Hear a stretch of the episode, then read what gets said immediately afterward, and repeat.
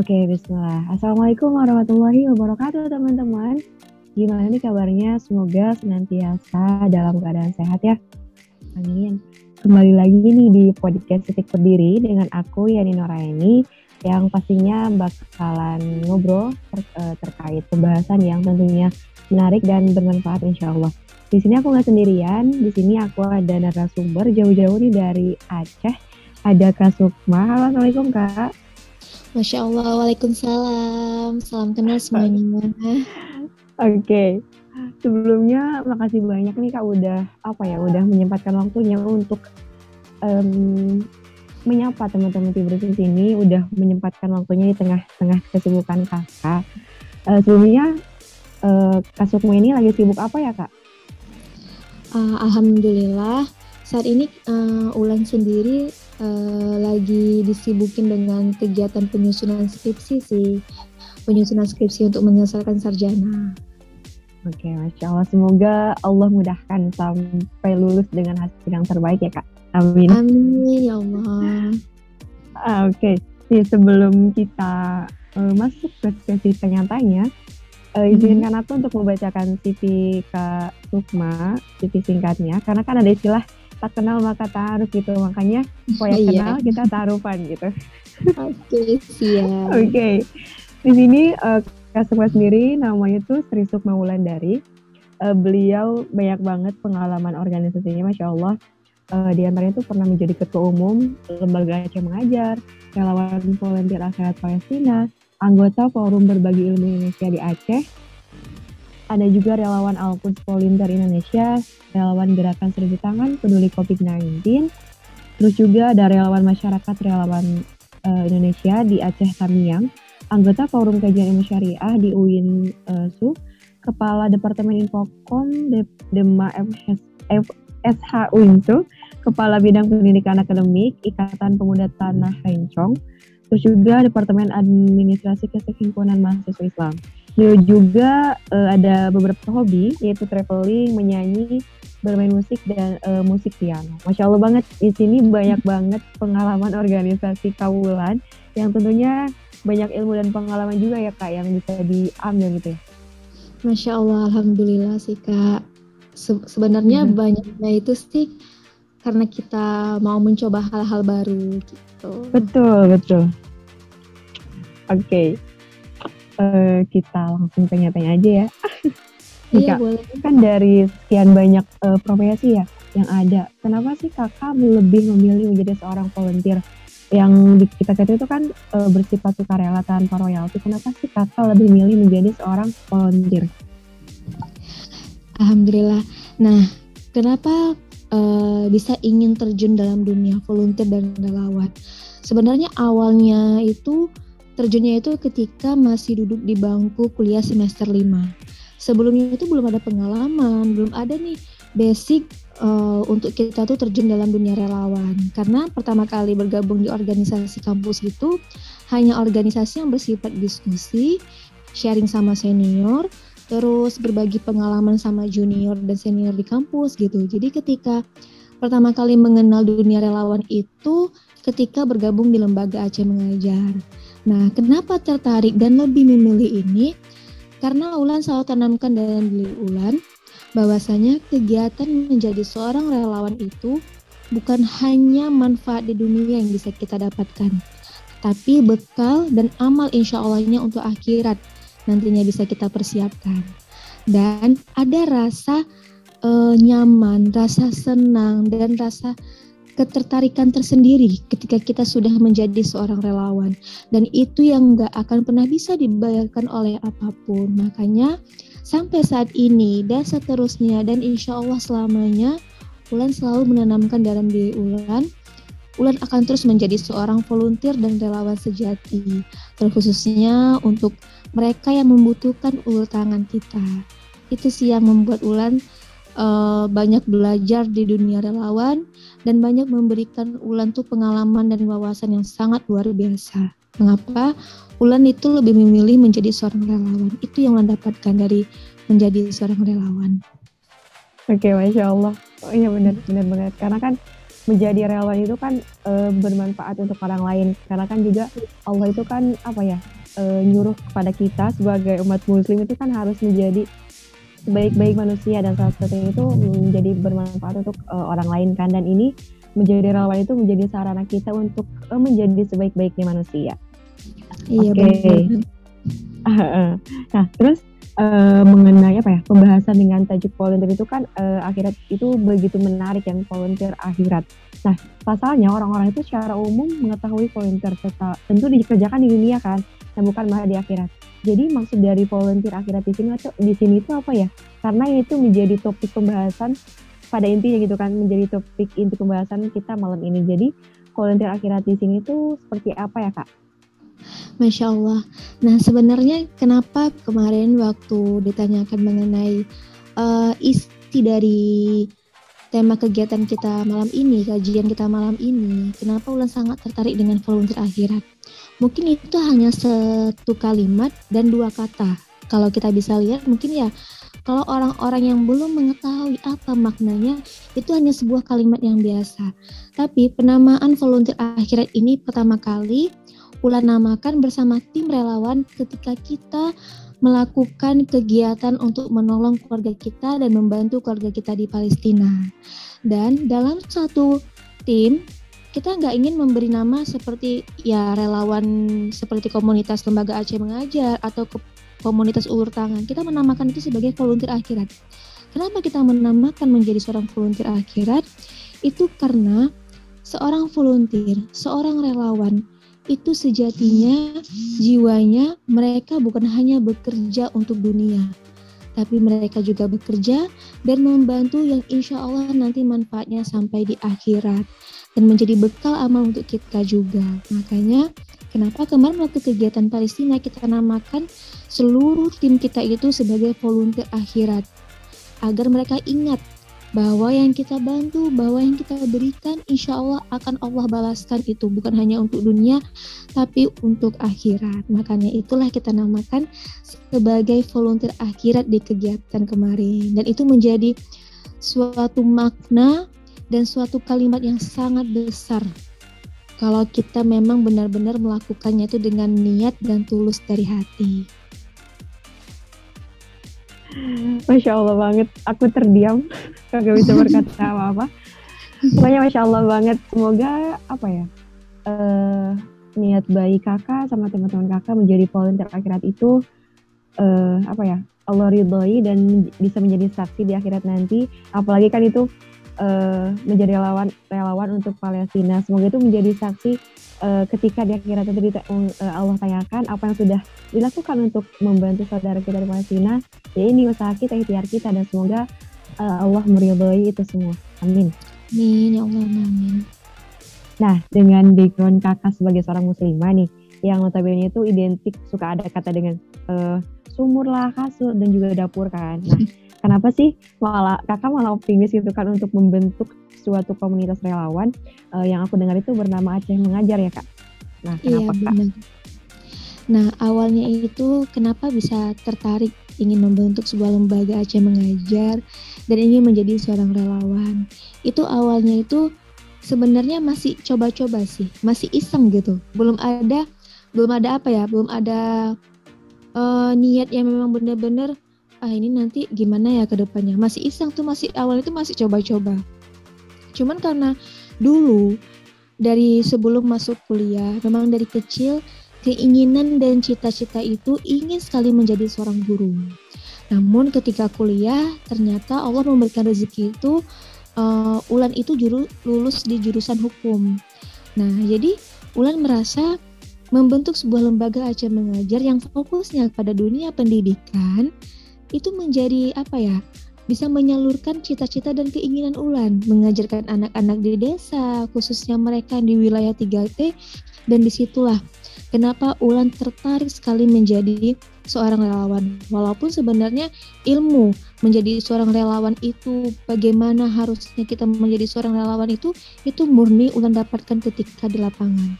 Dan yang menjadi komitmen Ulan, yang menjadi keyakinan diri Ulan, kenapa Ulan lebih memilih membentukkan sebuah lembaga ini, itu salah satunya yang paling utama adalah orang tua. Kenapa? Karena orang tua Ulan sendiri yang memberikan motivasi ke Ulan khususnya ayah. Beliau pernah bilang sama Ulan bahwasanya beliau sendiri juga terjun dalam dunia relawan, bekerja membantu orang di lapangan. Beliau pernah bilang sama Ulan, ayah bekerja bukan ingin yang ayah dapatkan itu manfaat di dunia, tapi di akhirat. Itu kenapa ayah lebih memilih pekerjaan ayah seperti ini. Karena Ulan sendiri pernah tanyakan sama ayah, kenapa ayah tidak memilih pekerjaan yang lain yang memang itu menjadi manfaatnya banyak untuk ayah, apalagi dalam posisi jabatan. Pernah Ulan sampaikan seperti itu. Tapi ayah sendiri bilang bahwasanya ayah ingin bekerja agar lebih dekat dengan masyarakat dan ayah ingin bekerja manfaat yang ayah dapatkan tuh bukan hanya di dunia yang ayah rasakan, tapi untuk akhirat. Dan dari situlah Ulan semakin yakin, semakin optimis, dan semakin percaya diri bahwasanya langkah yang Ulan ambil menjadi seorang relawan dan membentuk sebuah lembaga Aceh Mengajar itu insya Allah tidak salah dan insya Allah Allah selalu meridhoi setiap langkah dan tujuan kami semua. Gitu kak. Masya Allah banget ya. Jadi ya apa ya karena tujuan kita hidup di dunia itu kan untuk ibadah ya. Dan ya, ibadah itu bukan hanya sholat tapi ke, uh, segala sesuatu yang kita niatkan karena Allah karena ibadah karena Allah itu kan akan bernilai ibadah juga. Dan uh, seperti kita ketahui kita hidup di dunia itu kan hanya sementara. Jadi apa ya gak melulu kita memikirkan hal duniawi tapi kita juga harus sampai memikirkan akhirat dan menjadi relawan ini bisa menjadi amal jariah yang nanti itu bisa mengumpulkan pundi-pundi pahala kebaikan yang terus mengalir. Amin ya mudah-mudahan kak. Amin. Oke, okay, nah uh, selama menjadi uh, bergerak di bidang uh, kerelawanan, uh, ada hal unik nggak sih kak yang kakak rasakan dan uh, jika ada hal unik seperti apa kayak gitu? Masya Allah, kalau hal unik itu memang banyak sekali yang dapatkan. Apalagi pertama mendirikan sebuah lembaga Aceh Mengajar, di mana Ulan sendiri saat itu langsung nih terjun ke dunia relawan, mengajarkan anak-anak. Sebenarnya kan kalau uh, salah satu kegiatan di Aceh Mengajar itu kalau kita bisa lihat sama sebenarnya seperti dunia di kampus, yaitu kegiatan KKN, mengabdi ke masyarakat namun saat itu karena Ulan masih semester 5 dan Ulan belum punya pengalaman nih bagaimana ya di dunia KKN sendiri aja kan saat itu belum. Jadi ketika pertama kali mengabdi ke masyarakat karena mendirikan sebuah lembaga Aceh Mengajar itu asli bingung gitu ini mau ngapain ya di lapangan? Ini apa ya nanti ya ingin dilakukan gitu? Jadi semuanya itu langsung dipikirkan ketika di lapangan gitu. Hal uniknya itu ketika masuk ke desa saat itu memang di luar dari dugaan itu disambut baik banget sama anak-anak di sana gitu. Bahkan mereka tuh mengira bahwa kami itu kami ini tuh kedatangan guru di sekolah mereka.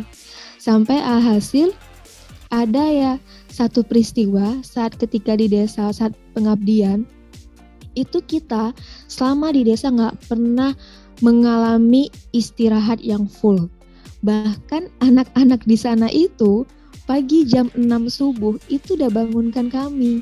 Sampai kita tuh terus beraktivitas dengan mereka itu sampai habis maghrib. Mereka tuh nggak mau lepas gitu. Jadi kami apa ya ketika bersama mereka hilang. Hilang rasa capek itu gitu karena melihat senyuman mereka melihat antusias semangat mereka. Tapi ketika udah malam harinya ingin istirahat baru itu semuanya terasa. Dan keesokan paginya gitu terus gitu. Jadi selama 10 hari di desa, mereka itulah yang banyak memberikan kami sebenarnya pengalaman hidup, cerita hidup yang sangat luar biasa. Kenapa? Karena dengan dunia mereka yang seperti itu yang kalau kita bisa bilang jauh dari kita, kita yang saat ini masih banyak diberikan nikmat oleh Allah sedangkan mereka masih kecil aja. Kadang di sana tuh mereka tuh sudah bekerja. Masih SD aja mereka tuh sudah membantu mencari biaya untuk keluarga mereka gitu. Membantu orang tua mereka itu memang sangat luar biasa sangat masya Allah sekali. Dan itulah mengalami hal yang memang benar-benar ya Allah ini nggak akan bisa dibayar oleh apa pun. Rasanya terpukul dan menjadi apa ya menjadi tamparan keras juga untuk Ulan gitu. Mereka yang seperti itu tuh nggak pernah mengeluh sama sekali gitu. Sampai alhasil Ulan ketika melakukan pengabdian itu sampai dijuluki sering dipanggil sama mereka tuh dengan sebutan Umi. Sering kali sampai sekarang pun masih tuh komunikasi dengan mereka. Kalau mereka nampak foto Ulan tuh melalui HP orang tua mereka, khususnya di Facebook, mereka tuh sering tuh bilang ini Umi kami ini Umi yang udah ngajarkan kami. Sampai sekarang masih mereka ingat. Makanya itulah yang membuat Ulan sangat rindu sangat kangen dengan mereka dan ingin lagi untuk terjun mengajarkan dan kembali lagi dengan mereka. Oke masya Allah. Karena anak-anak di sana yang emang semangatnya sangat antusias itu kan capek yang kita rasakan juga nggak terasa gitu kan karena iya, semangatnya iya, mereka gitu. Dan tadi berbicara perihal mengeluh itu emang benar banget sih kita itu itu banyak ngeluhnya gitu kan. Gak banyak iya. bersyukur mungkin kurang bersyukur ya itu tertampar banget ya aku astagfirullah. Oke. Okay. terus nih uh, ada nggak sih bentuk kendala yang kakak alami gitu kan selama menjadi volunteer? Dan jika ada bentuk itu seperti apa? Dan bagaimana tanggapan kakak untuk menghadapi kendala? Bagaimana kita bisa meyakinkan seseorang bagaimana kita bisa membuat orang itu optimis dan yakin bahwa sesuatu yang sangat luar biasa. Mempertahankan seseorang agar dia komitmen dan yakin menjadi seorang relawan itu tidak semudah seperti kita membalikan telapak tangan. Kenapa? Karena mungkin hanya satu, dua, atau beberapa orang yang bisa bertahan dengan resiko menjadi seorang relawan. Karena sama-sama yang kita ketahui bahwasanya relawan itu bukan seperti karyawan yang digaji ataupun dibayar. Tapi relawan itu adalah sosok orang yang mereka itu mengerjakan suatu hal itu tanpa imbalan. Tulus, apa yang mereka kerjakan itu benar-benar dari hati dan hanya mengharapkan keridoan dari ilahi. Nah, sebenarnya kendalanya itu sih khususnya Ulan sendiri yang saat ini diamanahkan menjadi ketua umum di lembaga Aceh Mengajar. Kendalanya sering sih sebenarnya di dalam tim juga ya seperti kita mengajak, meyakinkan mereka, mempertahankan mereka, itu sih kendalanya. Tapi ya walaupun seperti itu, Ulan selalu yakin dan optimis. Karena Ulan selalu ingat pepatah atau kata yang dibilang oleh presiden kita yaitu Insinyur Soekarno. Berikan aku 10 pemuda maka akan aku guncangkan dunia. Jadi Ulan yakin walaupun kita sedikit tapi kita memiliki kualitas yang sangat luar biasa. Insya Allah apa pun yang kita ingin dirikan itu semua akan berjalan dengan lancar. Nah, itu yang membuat Ulan ya walaupun menghadapi kendala-kendala seperti itu ya Ulan yakin aja gitu setiap pertolongan Allah itu pasti akan ada. Jadi ya jalan terus aja. Tapi kalau kendala saat ini ya di masa Covid ini ya itu tadi sih. Di masa Covid ini kan banyak kegiatan yang harus dibatasi. Mungkin ya itu tadi uh, ketika menerjunkan relawan salah satunya kita harus melengkapi surat kesehatan khususnya vaksin jadi ada beberapa hal juga yang memang membuat kita terhambat dengan hal itu apalagi khususnya di wilayah Aceh sendiri di beberapa wilayah itu termasuk zona merah. Jadi agak kendalanya sih di situ. Karena kita kan juga harus mengikuti peraturan dari pemerintah. Mungkin itu kak. Oke oke, masya Allah banget. Jadi uh, apa ya? Ketika melakukan apa pun itu pasti yang namanya kendala itu kan pasti selalu ada ya. Tapi uh, balik lagi uh, untuk kita bertahan itu balik lagi ke tujuan awal kita itu apa? Selama niat kita baik pasti uh, akan ada jalannya gitu kan. Akan ada uh, pertolongan Allah datang. Asalkan kuncinya yakin bahwa segala sesuatu itu pasti akan ada jalannya. Ya, tinggal hmm. yakin aja sama Allah karena Allah itu kan nggak pernah ninggalin kita. Uh, selalu ada untuk kita. Asalkan kita yakin, insya Allah Allah selalu ada untuk kita. Pertolongan itu pasti ada gitu. Iya. Yeah. Oke. Okay. Nah, uh, mungkin ini menjadi pertanyaan yang terakhir ya kak. Uh, jadi apa sih motivasinya untuk para muslimah yang mungkin pengen terjun ke bidang kemanusiaan, tapi mereka mungkin mereka masih ragu untuk bergerak itu kan karena kan mungkin karena takut melanggar syariat dan menimbulkan fitnah. Gimana sih motivasi uh, menurut kakak? Dari kakak itu gimana? Masya Allah, sebenarnya kalau ditanya motivasi, Ulan sendiri pun juga ingin nih mendapatkan motivasi dari orang lain. Tapi Ulan sendiri ketika ditanya apa yang bisa Ulan berikan untuk orang lain, sebenarnya satu sih. Untuk menjadi seorang relawan itu kita yakinkan dulu niat kita. Kita yakinkan dulu diri kita bahwasanya setiap apa pun yang kita lakukan selagi itu baik dan karena Allah Subhanahu wa taala insya Allah apa pun itu semua itu akan berjalan dengan lancar. Dan jangan pernah takut. Jangan pernah takut untuk melakukan kesalahan. Jangan pernah takut untuk berbuat salah. Kenapa? Karena apa pun yang kita lakukan itu baik, insya Allah akan Allah itu akan memudahkan setiap jalan kita. Dan satu hal lagi, ketika khususnya ya untuk yang kaum muslimah mungkin uh, ada di luar sana yang ingin bergabung menjadi seorang relawan tapi kendalanya takutnya itu ya seperti yang disampaikan tadi takut terjadi fitnah ataupun hal semacam lainnya. Sebenarnya gini kita ini hidup di dunia pastinya selalu membutuhkan pertolongan orang lain. Kita tidak bisa hidup sendiri bayangin berapa banyak orang di luar sana yang sangat membutuhkan pertolongan kita. Mungkin kita tidak bisa membantu mereka dari hal materi, tapi dari hal tenaga, dari hal yang kita miliki, contohnya seperti ilmu, itu sudah sangat membantu mereka dan sudah sangat memberikan pertolongan untuk mereka. Jadi, untuk para muslimah di luar sana, jangan pernah takut karena apa pun yang ingin kita lakukan dan apa pun yang kalian lakukan saat ini, selagi itu sesuai dengan syariat, selagi itu niatnya karena Allah, insya Allah apa pun itu gak akan pernah salah. Kuncinya, tanamkan dalam hati bahwasanya yang kita lakukan ini adalah baik dan semata-mata ingin menolong orang lain. Mungkin itu kak. Oke, jadi salah satu kuncinya itu niat ya karena segala yeah. sesuatu itu kan tergantung sama niat kalau misalkan kita niatnya karena Allah semata insya Allah akan mudah apa pun itu oke okay. uh, eh, gak keras tadi kita eh, ngobrol-ngobrol berapa menit ya nah sebelum uh, kita akhiri ini boleh dong closing statement dari kakak untuk para teman-teman uh, di Tibers gitu kan terkait uh, volunteer volunteer akhirat boleh dong kak Masya Allah. Nah, uh, ini mungkin apa ya sebuah kata-kata yang sering kita dengar, sebuah kalimat yang sering juga kita dapatkan. Namun Ulan tidak pernah bosan untuk terus memberikan dan mengingatkan untuk kita semua di sini.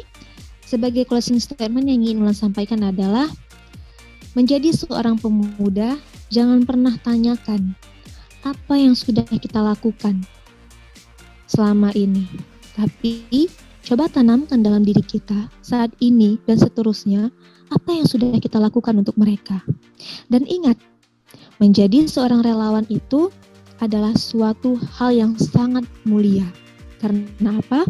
Karena seorang relawan itu adalah sekali kita berbagi akan selamanya menginspirasi untuk semua orang. Mungkin itu aja kak. Masya Allah, oke keren, keren, keren, keren banget ini apa ya pembahasan kita ini tuh daging banget sih. Uh, justru kakak malah memotivasi aku untuk aku juga pengen banget terjun ke uh, apa ya kerelawanan mudah-mudahan nanti suatu saat uh, Allah izinkan amin ya Allah amin ya Allah oke okay. uh,